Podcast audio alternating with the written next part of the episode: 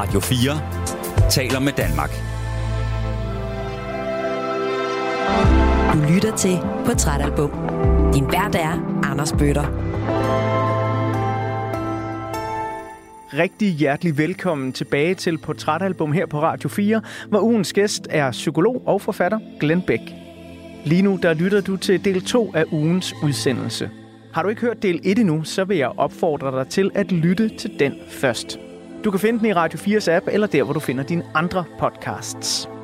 Glenn Beck har valgt Madonnas 10. studiealbum Confessions on a Dance Floor som det album, der skal være med til at tegne et portræt af ham. Og i den her time, der skal du både lære Glenn Beck anno 2023 og Madonna som menneske og kunstner lidt bedre at kende. Glenn, øh, i øh, del 1 af ugens udsendelse, der beskæftigede vi os en lille smule med øh, din barndom, hvor du for første gang spiller nummeret Hung Up i en klassens time, da du er 14 år gammel, og det virkelig ikke sådan bliver særlig vel modtaget, især ikke af de smarte drenge i klassen, mm. som synes, det er noget femset og mærkeligt noget. Og øh, du begynder på grund af den usikkerhed, man måske kan have i den tid, og, og lægge Madonna lidt på hylden, og prøve at lytte til noget af det, de andre lytter til. Linkin Park, Nelly, hvad det nu kan være deroppe mm. i tiden. Og så i 2012, jamen der øh, begynder du din rejse mod Aarhus, din første rejse mod byens lys, og Madonna bliver igen en øh, god ven, og det her album Confessions on a Dance Floor får måske også nogle øh, nye betydninger. Så har vi jo sådan fået tegnet et billede af, af dig øh, som ung, hvor du øh, flytter til Aarhus, og det her, øh, så vidt jeg ved, der, det må være det, du starter på øh, psykologistudiet. Ja. Ja, og du fortæller også, at øh, jamen, du registrerer jo ligesom, der er en homobar øh, i Aarhus, men mm. det tager måske lige et år eller to, før du samler dig mod til at øh, komme der ind. Mm.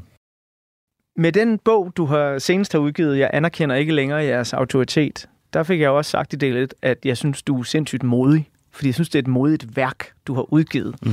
Øh, så måske det mod, øh, du ikke havde til at gå ind på homobaren i Aarhus, det har manifesteret sig mere her. Øhm, det er jo oplagt nu så at bladre op på øh, den næste side af portrætalbummet, og så tegne et portræt af, hvem du er den dag i dag.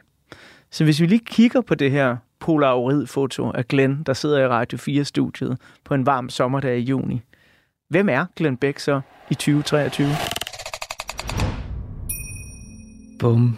Uh, han er kommet langt uh, på rigtig mange måder. Uh, han har fået et, uh, han har fået en smule mere ro på uh, hjemmefronten, og med det mener jeg familie og mor, uh, bror. Han har udgivet uh, to bøger på kort tid, som har været uh, som har kastet en hel masse af sig og, og med sig, og har vivlet en hel masse op, øh, som jeg er øh, meget, meget øh, stolt af, men også øh, som forpligter mig, føler jeg, på en øh, helt anden måde, og har givet mig en platform på en måde, jeg tager meget alvorligt, og som også, øh, også indgyder en hel masse frygt for, hvordan man formidler øh, mange af de her ting. Øh, jeg har også... Øh, altså, jeg, jeg, jeg, jeg kæmper også stadig med, øh, med alt muligt. Jeg startede også med at sige, at øh, jamen, du er også øh, psykolog, øh, ja. og øh, ved, at øh, det jo stadig er... Øh, ja, nu er det jo næsten blevet en sidegeschæft, kan man jo sige på en eller anden måde. Jeg, jeg er sådan lidt øh, mm, forundret, og, eller jeg ved ikke, om jeg er forundret, men jeg er måske spændt på at høre om, når man så udgiver to så kraftfulde bøger, som du mm. har, mm. kommer der så ikke også nogle tanker om, jamen, hvem henvender sig til mig nu jo. i min praksis som psykolog? Altså, er det, er det bogfans? Er det folk, der kan identificere sig med historien? Folk, der egentlig bare vil se giraffen? Altså, hvordan opretholder du din psykologpraksis ja. i alt det her? Jamen, jeg startede med at være psykolog tre dage om ugen, så to dage om ugen, og nu er det bare en dag om, om ugen. Øh, det er rigtig nok dem, der øh, kom, det er dem, der skriver til mig for at begynde hos, i, i terapi øh, hos mig, er folk, som enten selv øh, er anderledes, kommer fra en anden klasse, end der, hvor de er havnet, kommer fra en anden by, end der, hvor de er havnet, har noget andet med i bagagen, hudfarve, seksualitet, whatever køn øh, med i bagagen. Øh, eller arbejder øh, som kunstner også. Dem har jeg en del af. Øh, Øh, jeg har faktisk også mange mænd, øh, som synes, det er svært at følge med udviklingen i forhold til at være mand i vores øh, samfund og sådan noget. Øh, men det er helt klart på baggrund af børnene, at, øh, at jeg, jeg, jeg har ikke selv brugt en krone på markedsføring. Det, det, det, det har børnene klaret. Hvad synes du om det?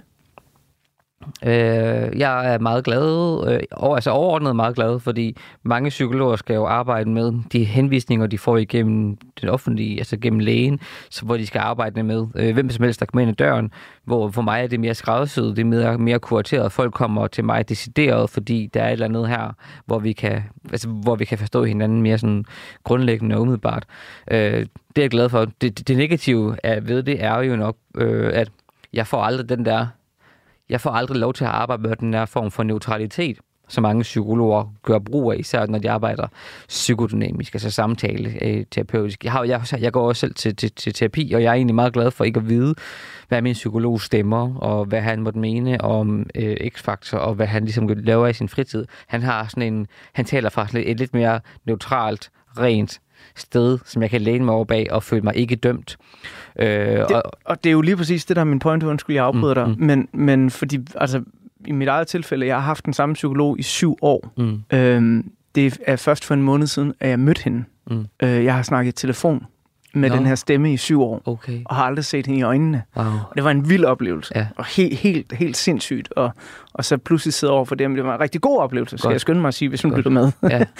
men, men det er netop det her med neutraliteten, at, at jeg øh, tog den yd, ud til helt den yderste konsekvens, at jeg vil helst ikke have at vide, hvad du har på af tøj, hvad du har hængende på væggen, mm. hvilke planter du har valgt til mm. øh, din praksis her, mm. fordi at min hjerne står ikke stille, og så sidder jeg og analyserer, og så mm. tænker jeg på den der fucking aloe vera plante, i stedet for at tænke på mit indre, ja. når vi snakker. Og ja. det er jo noget lort. Ja. Og, og, derfor så, og det er også derfor, jeg nævnte det her med at, at se giraffen, ikke? Altså om, om du får henvendelser jamen, til din psykologpraksis, fordi du er Glenn Beck forfatteren, og ikke fordi du er psykologen Glenn Beck. Jeg har skrevet på min hjemmeside, hvad for nogle terapeutiske retninger jeg er optaget af, og hvordan jeg arbejder med mennesker.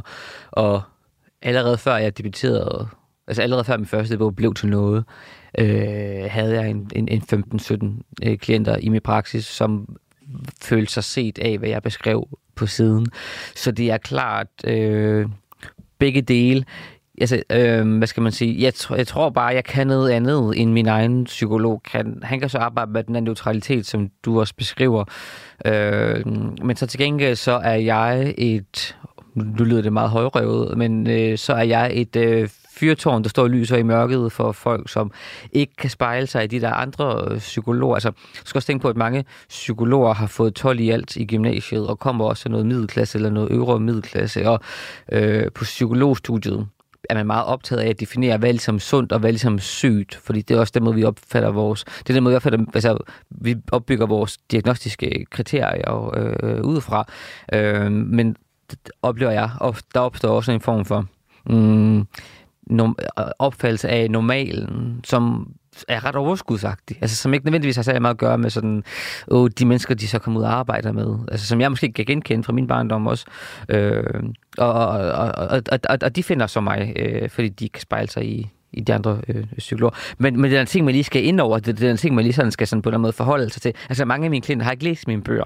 De, de, mange af mine klienter, hvis de ser mig i en eller anden avis, så bladrer de hurtigt videre, fordi de, de ikke vil. Altså, så vil de vente med det, den del af mig, til de er færdige med at gå hos mig. Ja, okay. Ja, ja. Men det er jo igen noget med neutraliteten der. Ja. Øh, og hvis jeg så må tillade mig at blive lidt lommepsykologisk, øh, nu bliver der næsten helt plat øh, warning. I del 1 af den her udsendelse, der hørte vi jo om, hvordan du i klassens time øh, spillede Madonna hung op øh, for hele den folkeskoleklasse. Det er også en oplevelse, som øh, du fortæller om i bogen Jeg anerkender ikke længere jeres autoritet. Øh, når du her i 2023 ser tilbage på den oplevelse, så er jeg nysgerrig på hele det her, nu bruger jeg gåseøjne, koncept, der er i den homoseksuelle verden med at springe ud af skabet. Altså offentliggøre for verden, ja, det er denne her, jeg er som 14-årig dengang med Hung Up, ligger der sådan et eller andet, tror du, når du ser tilbage på det, mini-forsøg på ligesom at gå ud til verden og sige, jeg er helt anderledes? Ja, der har været mange øh, forsøg på at øh, springe ud, kunne vi kalde det. Øh, vi kunne også sige forsøg på at vise, hvem jeg er. Altså vise verden, hvem jeg er. Der har været mange gange, hvor jeg har dyppet tæerne i vandet, for lige at sondere terrænet, sådan, hvor langt kan jeg gå her? Hvor meget af mig selv kan jeg vise her? Det begynder jo allerede med, da jeg er barn, at gå i min mors kjoler og tage mig op på. Altså før, jeg, før, før hele den her øh, kønsidentitære bevægelse har skyllet ind over os fra, fra USA, og jeg bare er, er, er, et barn, der hviler i at være et barn, øh, har jeg jo har jeg ligesom prøvet på, at øh, har ligesom bare givet mig hen til, øh, til det. Øhm, så jeg tror, jeg, jeg har sprunget ud, eller har, har ja, utallige gange øh, i mit liv. Og det skal man jo også gøre. Altså, hvis, hvis jeg... Øh, hvis jeg, hvad, jeg fik et borgerligt øh, lønmodtagerjob på en arbejdsplads, så ville jeg skulle gøre det all over igen på en eller anden måde. Sådan finde ud af, okay, ah, hvad, hvad, hvad er kompromissen? Altså, hvad er for og imod her? Men har der været et definerende øjeblik i dit liv, hvor du sådan ser tilbage på og siger, jamen det her, det var her, at jeg mest offentlig med den største megafon, igen i gåsøjne, sprang ud som Glenn Beck, homoseksuel? Mm. Øh... Ja, jeg, jeg, jeg havde aldrig den helt store offentlige øh, øh, tur. På efterskolen var jeg meget forelsket i, i min bedste ven. Vi lavede også nogle mega homo-ting sammen, synes jeg egentlig, når man kigger tilbage på det. Øh, men det er egentlig først, da jeg får min, min, min kæreste der som 18-19 år. Og, Øh, jeg står på værelset hos min øh, lillebror, og så fortæller jeg ham, øh, ham der, øh, Nikolaj der, som jeg, som jeg er meget sammen med i øjeblikket, det er faktisk min kæreste. Øh, det, det er sådan der, jeg springer ud. Min, min, min mor og, og stedfar vidste det godt og have været åbne og, og, og medkommende øh, sådan nogenlunde øh, i forhold til det, men det er ligesom der, hvor jeg øh, kan bare tænke tilbage på. Hvad siger brormand til det? Jamen, han... Øh, han, han, han håndterer det ikke skide fint, altså. Han øh, peger på døren og siger skrid. Altså, han beder mig om at gå ud fra sit, øh, fra sit værelse. Og, og jeg kommer ned og siger det til min, øh, til min stedfar og min mor, og så går min stedfar op til ham og har nogle, nogle alvors ord med ham, og, og derfra går det egentlig okay. Øh, I dag er det helt kontra. Altså i dag kan min bror slet ikke klare homofobi. Min bror, hvis jeg har min bror med i byen i dag, selv når det ikke er homofobisk, men hvis han bare hører nogen snak homofobisk, og han har fået en øl for meget, så kommer han næsten i slagsmål med dem. Nå. Altså, han, han, altså, han, han kan ikke tåle homofobi. Altså, han er en mere homofobisk øh, modkæmper, end, end jeg er. Fordi jeg bare sådan, lukker ørerne for det, og ja, ja, du ved, går, går i sikkerhed. Hvorimod han faktisk kaster sig i slagsmål med sådan nogle okay. mennesker. Ja. Wow. Glenn, øh, jeg skal altid huske her på Trætalbum, at jeg jo også skal have mine øjne fixeret på den store dejlige rundebold, der hedder musikken mm. i dit liv. Mm. Øh, og vi skal høre noget Future Lovers, fordi jeg synes, det er passende at høre lige nu, hvor vi har fået den her øh, smukke historie. Øh, er, er det et nummer, som, øh, som du har noget, noget særligt forhold til på den her plade? Ikke andet end at... Øh end at jeg kan øh, danse til det. Og den har den her sådan, for mig i hvert fald, er det sådan en form for, da jeg hørte det første gang, er det en form for pop, som er forvrænget. Eller der, der er et eller andet unheimligt over det. Der er et eller andet ved det, som er sådan, tager mig et andet sted hen. Altså en... Øhm, mm,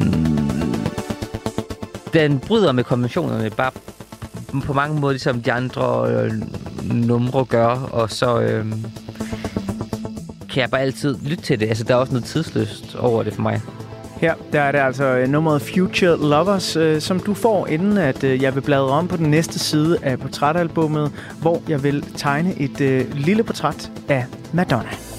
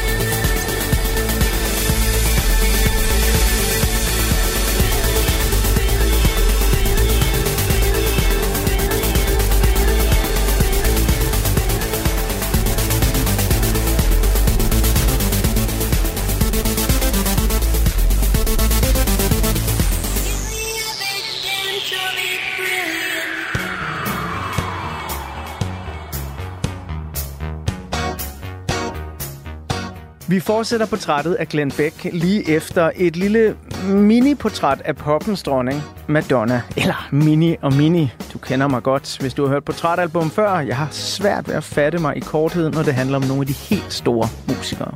Men på den tid, jeg har bladret op på i portrætalbummet, er der nu et billede af den bedst sælgende kvindelige kunstner nogensinde.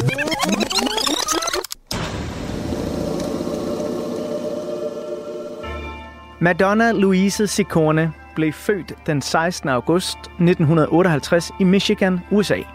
Hendes katolske forældre var af italiensk og fransk-kanadisk afstamning.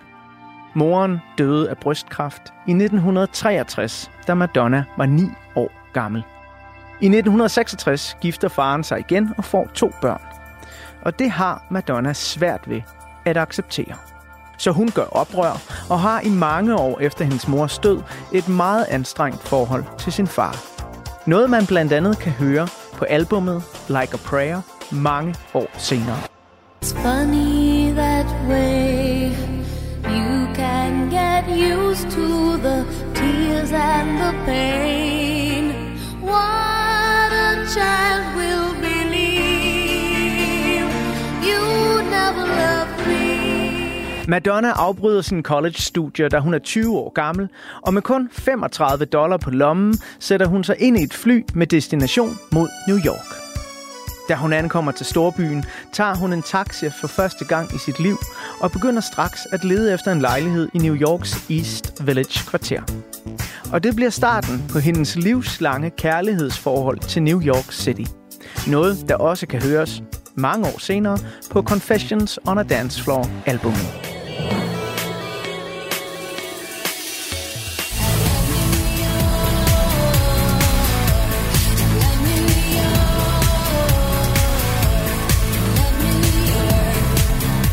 Madonnas vej mod stjernerne er en sej kamp med masser af knofedt, hvor hun inden sine første solo-demo-indspilninger både når at være trommeslager i bandet The Breakfast Club, garderobepige på New Yorker-restauranten Russian Tea Room, skuespiller i indie-filmen A Certain Sacrifice, stifter af bandet Emmy and the Emmys og DJ på forskellige natklubber.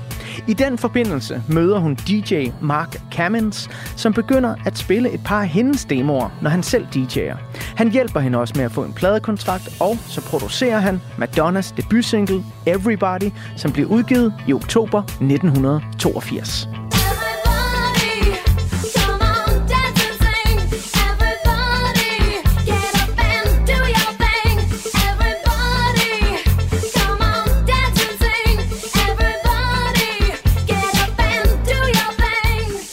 Cirka et halvt år senere er Madonna i gang med at indspille sit debutalbum. Her viser hun sig for første gang som en kunstner i sin helt egen ret. Hun er utilfreds med produceren Reggie Lucas' lyd og hyrer derfor selv hjælp med egne penge udefra. Ind kommer DJ'en John Jellybean, som remixer de fleste af de ellers færdigproducerede sange, og går i gang med at lave det nummer på albummet, som går hen og bliver Madonnas første internationale hit, Holiday.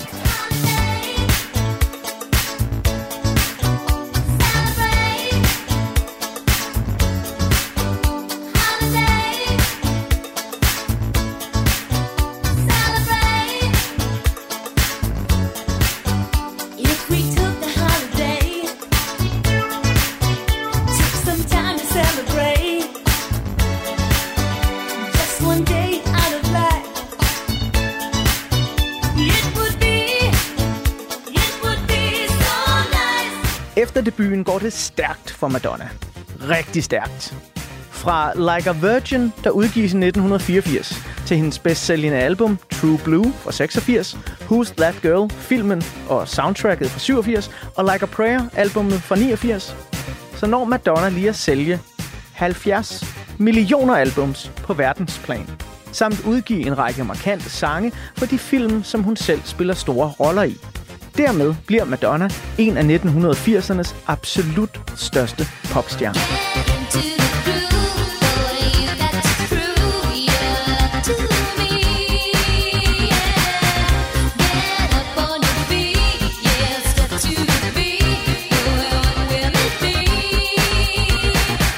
Madonna indleder 90'erne ved at udsende hendes første opsamling nogensinde, The Immaculate Collection. Den er med sine 30 millioner solgte eksemplarer Madonnas bedst sælgende udgivelse. Opsamlingen indeholder også nye numre, blandt andet den rå og sexede Justify My Love, der er skrevet af rockmusikeren Lenny Kravitz, og som på mange måder indvarsler et nyt og mere våget udtryk i Madonnas karriere. wanting, needing,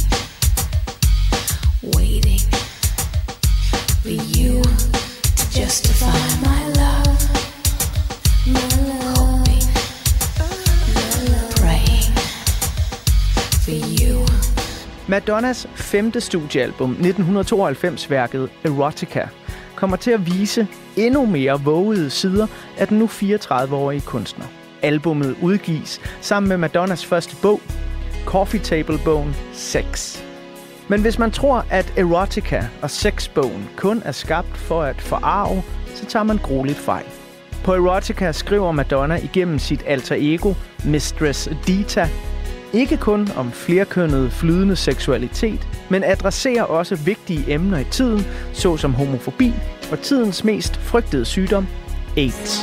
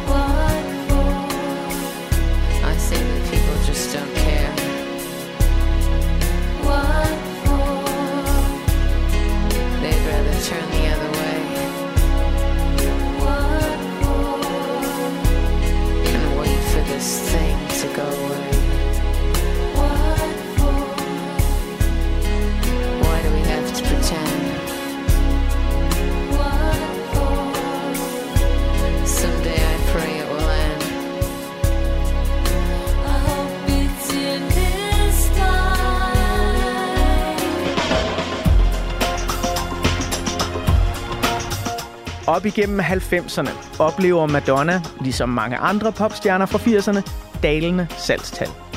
Albums som Bedtime Stories, Something to Remember og soundtracket for filmen Evita virker en smule ude af trit med tidens musiktrend, hvor grunge, britpop og ny amerikansk hiphop strømmer ud fra MTV. Men i 1998 viser Madonna, at hun stadig har den.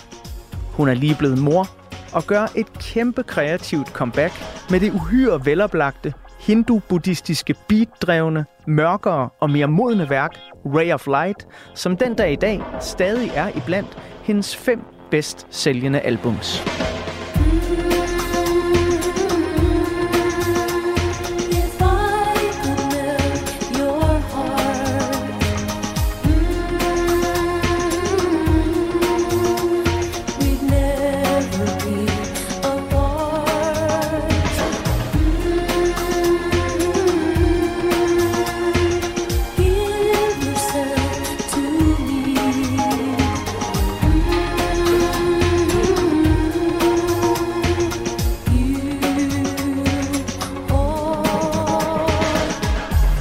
Nullerne bliver ikke meget anderledes end 90'erne for Madonna. Hun beholder sit status quo som en af verdens bedst sælgende kunstnere, men formår ikke at fastholde det kreative revival, som Ray of Light-albummet gav hende. Eller det vil sige, det ændrer sig en smule i 2005, da hun igen skifter ham, ændrer stil og giver en stor fed fuckfinger til det, alle forventer af en kvindelig kunstner, der nu er ved at nærme sig de 50. Madonna laver det super veloplagte, funky og disco house-inspirerede værk Confessions on a Dance Floor. Albummet skubbes frem af den stærke første single Hung Up og giver Madonna en plads i Guinness rekordbog. Albummet går nemlig nummer et i intet mindre end 40 forskellige lande verden over. En bedrift, der hverken før eller siden er overgået. Og det siger noget om, hvorfor Madonna stadig her i 2023 regnes for at være en af verdens mest kendte musikere.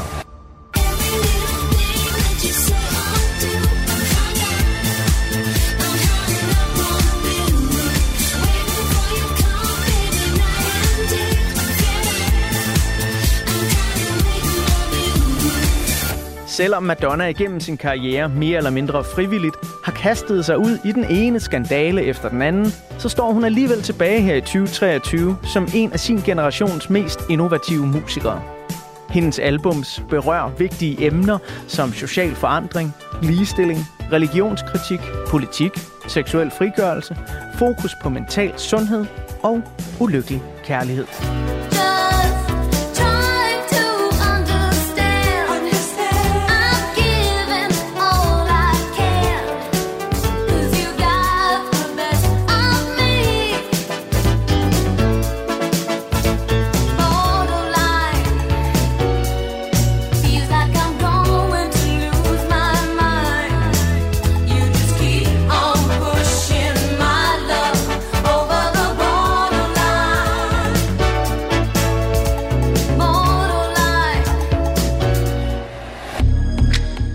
Selvom alle, lige fra den katolske kirke til den israelske stat, konservative amerikanske borgergrupper, religiøse mødregrupper og forskellige internettrolde har mere end bare ét horn i siden på Madonna, jamen så kommer hun oftest styrket ud af de fleste kontroverser og shitstorms. Så selvom du måske godt kan grine lidt af hendes jagt på evig ungdommelighed, eller til tider lidt krampagtige forsøg på at provokere, så må du aldrig undervurdere værdien af Madonnas enorme indflydelse helt ud i de fjerneste afkroge af verdens befolkning. Hendes seneste studiealbum, nummer 14 i rækken, Madame X fra 2019, gik ind på den amerikanske albumhitlistes førsteplads. Det er det 9. Madonna-album til at stryge helt til tops i USA. I'll be Islam if Islam is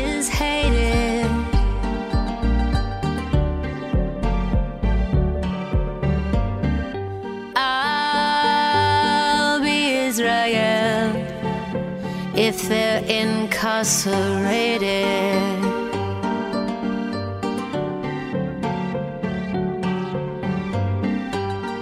I'll be native Indian if the Indian has been taken.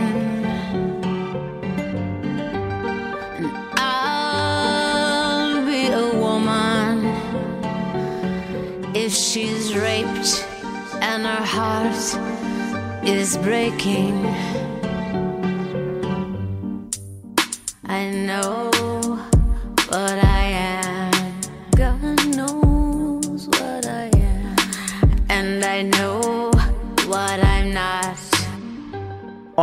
Om ugens portrætalbum-gæst forfatter Glenn Beck stadig følger med i Madonnas udgivelser og udskejelser, ja, det kan du blive klogere på efter det næste nummer fra Confessions on a Dance Floor. Det her er den småkontroversielle Isaac. منين علو دلتنا ديبيم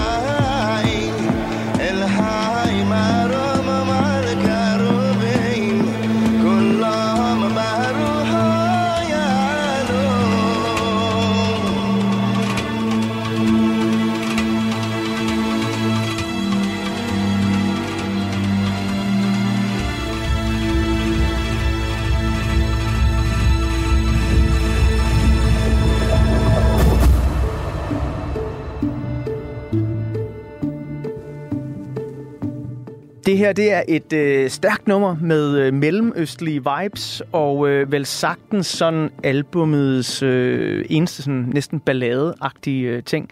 Øh, jeg ved ikke, om du har hørt den her historie, som Madonna fik ballade for, Glenn, men der er altså en gruppe israelske rabbinere, som beskylder øh, det her nummer Isaac for at være blasfemisk. Mm. Øh, og det øh, siger de så, det er fordi, den angiveligt skulle handle om den lærte Isaac Luria, der er sådan en højt agtet jødisk lært, der betragtes som en af grundlæggerne af den moderne jødiske Kabbalah. Mm. Men sangen, den handler bare overhovedet ikke om den jødiske lærte. Øh, Det er en sang, der handler om at give slip på frygt. Øh, Arbejdstitlen var Fear of Flying, ja. og sangen den ender som at hedde Isaac, fordi den jemenitiske sanger, der synger de her smukke mellemøstlige linjer, han hedder Isaac. Aha. Det er simpelthen det. Ja. Så der er jo mange, der godt kan ja, også lide at blive forarvet over Madonna selv, når der ikke er noget at blive forarvet over. Nu fik vi tegnet det her lille portræt af hende, og man ser jo også, hvordan hun har skiftet kunstnerisk ham mange gange. Noget, jeg virkelig respekterer rigtig meget. Øhm, hun var sådan, ja, udad til den måske lidt søde og uskyldige blondine i 80'erne, den provokerende sexdronning i 90'erne, og en poplegende op igennem øh, nullerne. Du sagde tidligere, at uh, Confessions on Dance Floor, det er sådan din Madonna. Mm. Men hvis du nu ser på hendes, sådan, jeg ved godt, du ikke har hørt alle plader og er ekspert i hendes karriere, men hvis du ser på hendes samlede udtryk, er den Madonna, vi finder her, den her house disco dronning, så øh, din favorit, eller er der andre, der også har, har været tiltrækkende på dig igennem dit liv? Uh, nogle af de tidligere bangers, som vi alle sammen kender, uh, Like a Virgin og Isla Bonita og sådan yeah. nogle. Tropically island breeze, all the nature wild and free. This is where I long to be. La Isla Bonita. De er jo stadigvæk også referencepunkter i, uh, i mit liv, hvad angår uh, musik i det hele taget, men især jo selvfølgelig uh, uh, Madonna. Um, jeg har ikke, hvad skal man sige, jeg har ikke fulgt hende så nær, næsten pågående øh, efter øh, Confessions øh, albummet her. Og har også vævret mig lidt øh, øh, imod det. Øh, men, men, men måske det er en anledning også på en eller anden måde til at komme hele vejen rundt i forhold til, altså måske jeg også selv har brug for at få gjort hende lidt mere menneskelig, altså fordi hun havde sådan en, en halvguds øh, status øh, Ja, for du sagde, du sagde jo det er lidt, at hun nærmest sådan, altså hun, hun var et ikon, der på en eller anden måde transcenderer tid, og Ja. du kunne ikke rigtig have, Ja. at hun muligvis var næsten Ja. lige så gammel som din mor. Ja, og hvis alt hører med, så hører det jo nok også med til hende, at hun øh, også har svært ved at stå i skyggen af andre, også har svært ved at blive gammel, øh, har svært ved at miste den, øh, og nærmest virker det til, også er, mm, altså, så- altså men det, det, det er ikke som sådan ikke, ikke en kritik af hende, men det er jo også en mere en generel kritik af, af, af, af industrien. Altså, når vi har sådan et, et pyramidesamfund, hvor nogen bare bliver katapulteret ud over rampen for fulde gardiner, og de får al opmærksomhed, og de får alle pengene. Selvfølgelig er det vanedannende, selvfølgelig former det øh, øh, øh, øh, folk. Jeg kunne godt have tænkt mig på en eller anden måde, at hun var glædet ud med ynde, eller at hun havde ki- trukket vejret og kigget tilbage på de her albums, du ender over, som testamenter, som søjler i, i, i historien, som vi for altid vil kunne øh, respektere øh, hende for. Det øh, synes jeg er en, en rigtig fin pointe, det her, fordi det er jo noget af det, som, som jeg også sluttede med at sige, man godt kan, kan smile lidt af. Altså sådan den her nærmest fabrilske, jeg må ikke blive ældre Mm. mm. og, og hvile i det på en Mm. eller anden måde. Ikke at jeg forventer, at Madonna nogensinde skal sætte sig op på en høj, høj barstol med en akustisk guitar. Øh, Gud forbyder, at det sker. Men der, der er sådan et eller andet, i, i, hvor, hvor jeg ser... Altså det er måske også noget meget menneskeligt. Det er frygten for alderen. Frygten for ikke at, længere at være relevant. Mm. Har du sådan selv, altså nu, du er cirka 10 år yngre end jeg er, Ja. men, men har du en frygt for alderen? Altså du er lige kommet over de store 30 for Ja, et par år siden, ja. ikke? Ej, jeg har en gigafrygt for alderen. Det, det, det hænger også på mange måder sammen med, at... Hvis- jeg tror, hvis, at det ikke bare er en homoting, men sådan for alle, hvis man er blevet mobbet i ungdommen. Øhm, jeg føler jo først... Altså, jeg havde sådan en hel ungdom, jeg på den måde skulle udstå, og så blev jeg faktisk først ung. Det er det, jeg føler til Aarhus, og så især København, og begynder på forfatterskolen. Øhm, jeg, jeg kæmpede meget med med, øh, med mindre værd og, og, og var buttet og var, var meget sent i livet, før jeg også begyndte ligesom at, at have en kropsligt med andre øh, mennesker. Så jeg er sådan ung, 5, 6, 7 år forsinket, og har en hel masse, jeg på en eller anden måde skal indhente, og øh, piker på en eller anden måde i mit liv, i, og, men så biologisk er det så, da jeg begynder at blive ældre også. Så der er noget der, som er giga uretfærdigt, oplever jeg. Ja. øh, og ja, altså, du ved, så er det sådan, hvad skal man sige, jeg, jeg, jeg er ikke øh, klar til at skulle miste håret, eller jeg, jeg er ikke klar til at skulle øh, få... Altså, jeg, jeg, jeg, jeg føler virkelig, jeg, jeg, jeg er klar på at leve nu og her. Altså, Er du klar på at være 17 år nu? Ja, eller 25. Ja, okay. Ja, ja, ja, ja. okay. Øh, ja. Øh, jeg, er, øh, det er en ret fascinerende historie, det der, som jeg tror, mange godt kan sætte sig ind i. Især kreative individer, der prøver at udtrykke sig kreativt, og på et eller andet måde jo gerne vil nå noget inden en vis alder. Mm. Øh, jeg, jeg glemmer aldrig at snakke med Kjartan Angrem fra Folkeklubben om det her portrætalbum, mm. hvor desperat han var, da han ikke havde fået sit store offentlige gennembrud i en alder af 30. Han var bare sådan, jamen nu kan, skal det hele jo være fucking lige meget. Mm. Altså, mm. og, og se, hvor de er den dag i dag i Folkeklubben. Ikke? Øhm, så man kan jo sagtens nå det bagkant, og livet er langt, Glenn Beck. Det, Og forfattere, der er, det, der er det næsten også nogle gange den omvendte effekt med, altså øh, folk, øh, altså vi, vi, vi dyrker jo også meget ældre forfattere, Ja. synes jeg, måske inden for musikken, det ved jeg ikke. det jo faktisk være, at du overhovedet ikke har peaked endnu. Det her, det var bare, det var bare begyndelsen.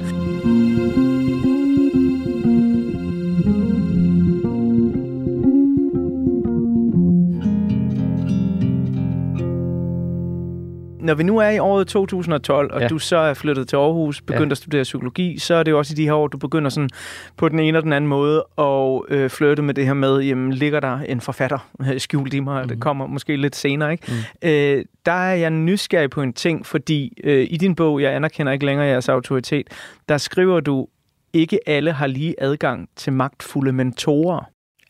Men i det, at du laver et skifte fra det her akademiske miljø og, og til noget, man jo må sige er kreativt, kommer ind på forfatterskolen, har du selv haft adgang til, til, til en god mentor? Øh, er der nogen i dit forfatterskab, som sådan har taget dig under sin vinge?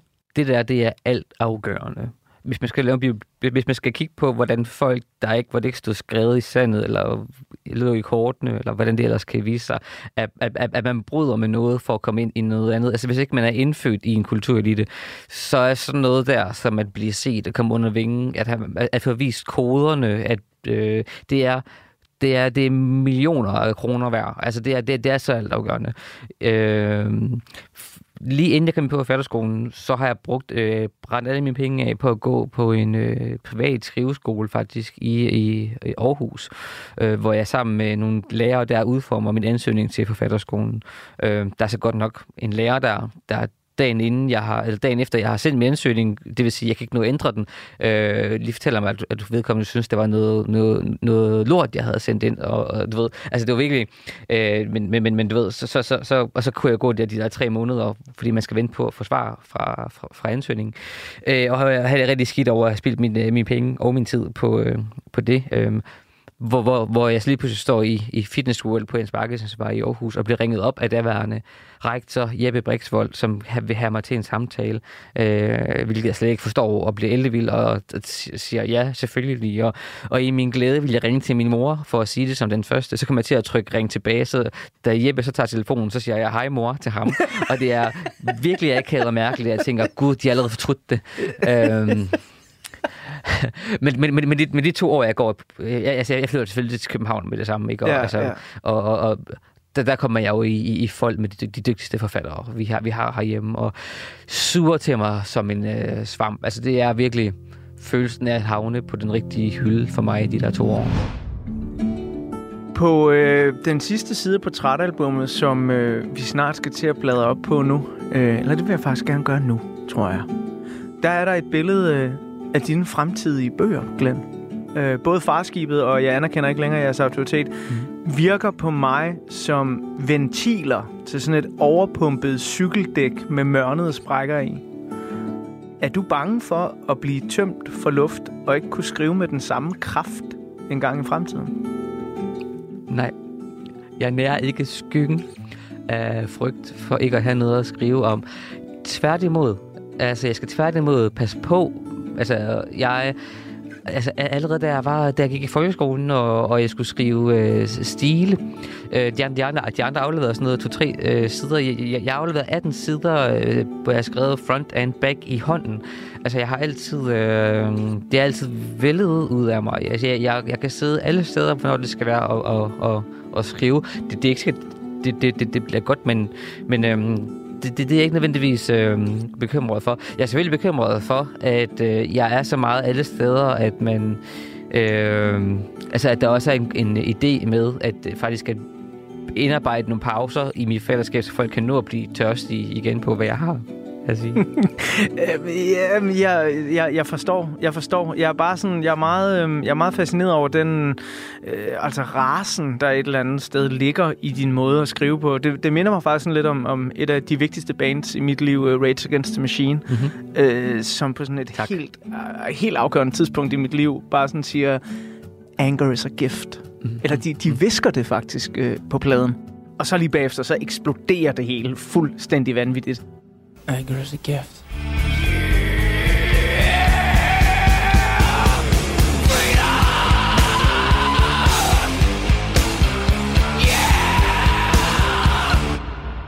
den her vrede ser jeg jo også i meget af det, øh, du skriver for. Det var derfor, jeg ligesom var, var sådan, "Men kan han beholde den der ventil der? Øh, ja. kan, kan den bare stå åben?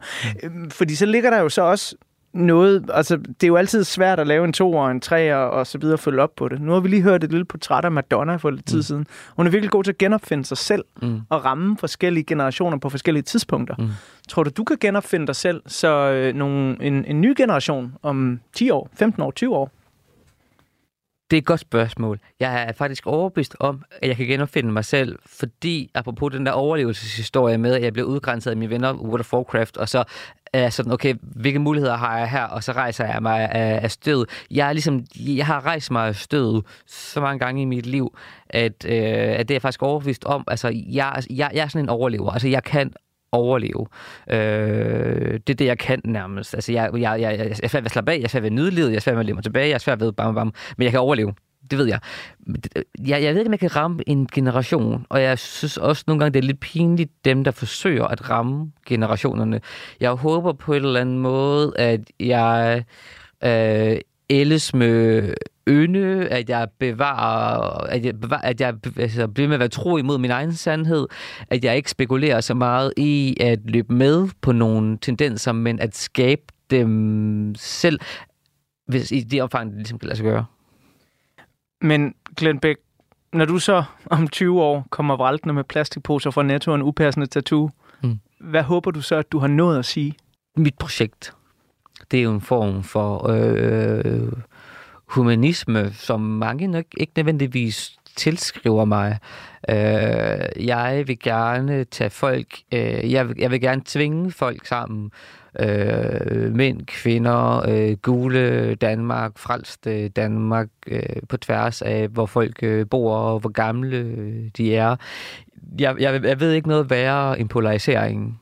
Jeg ved ikke noget værre end sådan noget øh, sektlignende tendenser i fl- på begge sider af, af fløjene. Jeg er meget mere til, at øh, det her med, at vi er fejlbarlige som mennesker og på, øh, på, på, på, på godt og, og altså, hvad, hvad skal man sige, nogle af de forfattere, jeg respekterer allermest her i tilværelsen, det er, det er forfattere, hvor jeg ikke altid kan aflæse i deres bøger, hvem der er de gode, hvem der er de onde. Altså, øh, der er sådan en yin og yang energi i forhold til sådan, at der skal lys til, før der er mørke, og man kan ikke tage den ene ud af ligningen, og så har man svaret, så har man sandheden. Jeg er meget imod sandhed, altså. Det æder med en fed overskrift at gå ud af portrætalbum på. Jeg er meget imod sandhed. det, det, det, det, kommer jeg til at citere dig for et eller andet sted. Øhm, jeg har to numre, som jeg kan vælge at øh, slutte den her udsendelse med. Øh, en, jeg har valgt øh, på grund af en tekst, og en, som du har valgt, som vi ikke har nået endnu. Øh, du skrev til mig, nummeret Get Together øh, var et vigtigt et. Så er der også albumets slutnummer, Like It or Not, hvor at Madonna, hun synger This is who I am, you can like it or not. Så hvad for en skal vi gå ud på? Glens nummer eller Anders' nummer? Ja, altså, jeg kommer selvfølgelig til at sige dit. det kan jeg lige godt bare afsløre Hvor, hvorfor selvfølgelig? Ja, men øh, det kan jeg ikke have på mig, at jeg, at jeg, øh, at jeg, øh, nej, jeg alt, jeg, jeg, nej, foran, foran i køen. Fonnegø? Ja. Okay, nå. så håber jeg, at øh, det er tilfredsstillende for dig, at øh, vi går ud med den. Fordi jeg synes nemlig, jeg, jeg synes nemlig, der er noget meget Glenn Becksk øh, over det. Nu taler jeg, som om vi har kendt hinanden 20 år. Det, det har vi ikke. Men this is who I am, you can like it or not. Ja, altså det, det- der, der får Madonna jo faktisk, ja, som sagt, din alder er næsten 50, mm. virkelig sagt noget på, på en linje, der bare indrammer rigtig meget hende, ikke? Ja. Glenn Beck, tusind mange gange tak, fordi du kom og var med på Trætalbum, øh, delte så generøst ud af dig selv, øh, og af dit øh, forhold til Madonna og, og musik i det hele taget. Selv tak. Jeg var glad for at være her. Og det er jeg glad for at høre. Hvis du er nysgerrig på at høre mere fra Glenn Beck, så bør du virkelig gøre dig selv den store tjeneste at høre Radio 4-programmet Det Sidste Måltid, som har et blændende afsnit, hvor Glenn Beck er gæst, og du blandt andet kan blive klogere på, hvad han vælger som sit sidste måltid. Jeg kan sige, at øh, jeg blev stik hammerne mega møg sulten af at høre det, fordi det var også nogle af mine egne barndomsfavoritter. Nu, der får du øh, lige det sidste nummer i den her omgang med Madonna. Det her, det er Like It or Not.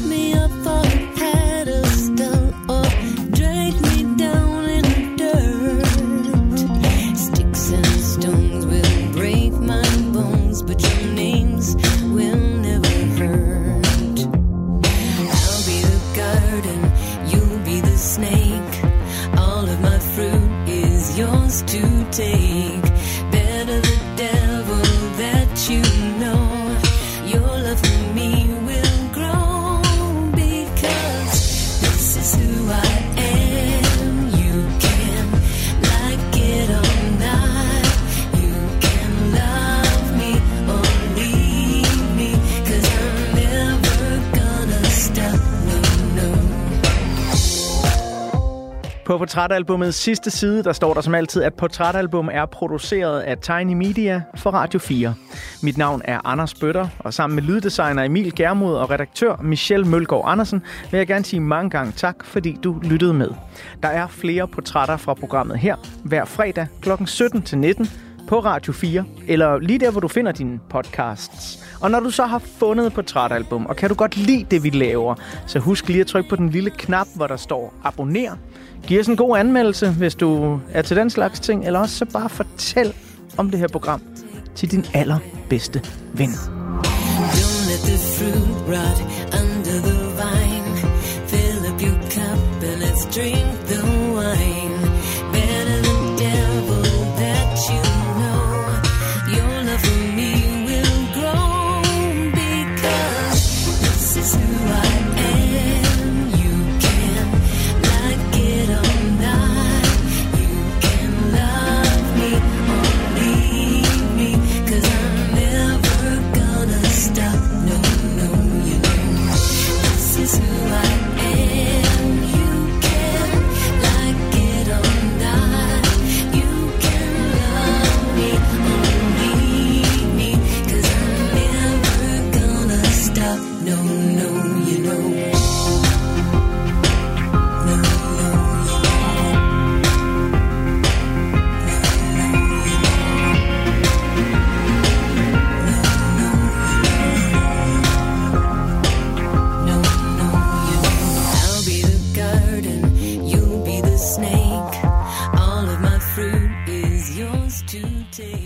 Har du selvmordstanker, kan du kontakte Livslinjen på livslinjen.dk eller på telefon 70 201 201.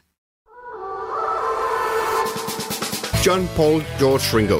Det er nærmest et børnerim. I årvis har man diskuteret, hvem der egentlig var den femte Beatle. Jeg synes ikke, det er helt forkert at sige, at The Beatles er en af de 20. århundredes største myter. Over sommeren sætter Beatles-nørderne Christoffer Lind og Nils Jakob Myge jagten ind på at finde den, som har gjort sig fortjent til titlen. Nu skal vi have det etableret en gang for alle. Hvem var den femte Beatle? Fra store personligheder til anonyme vandbærere, dramatiske livshistorier og tragiske skæbner. Og selvfølgelig med massevis af god musik. Lyt til jagten på den femte Beatle i Radio 4's app eller der, hvor du lytter til podcast.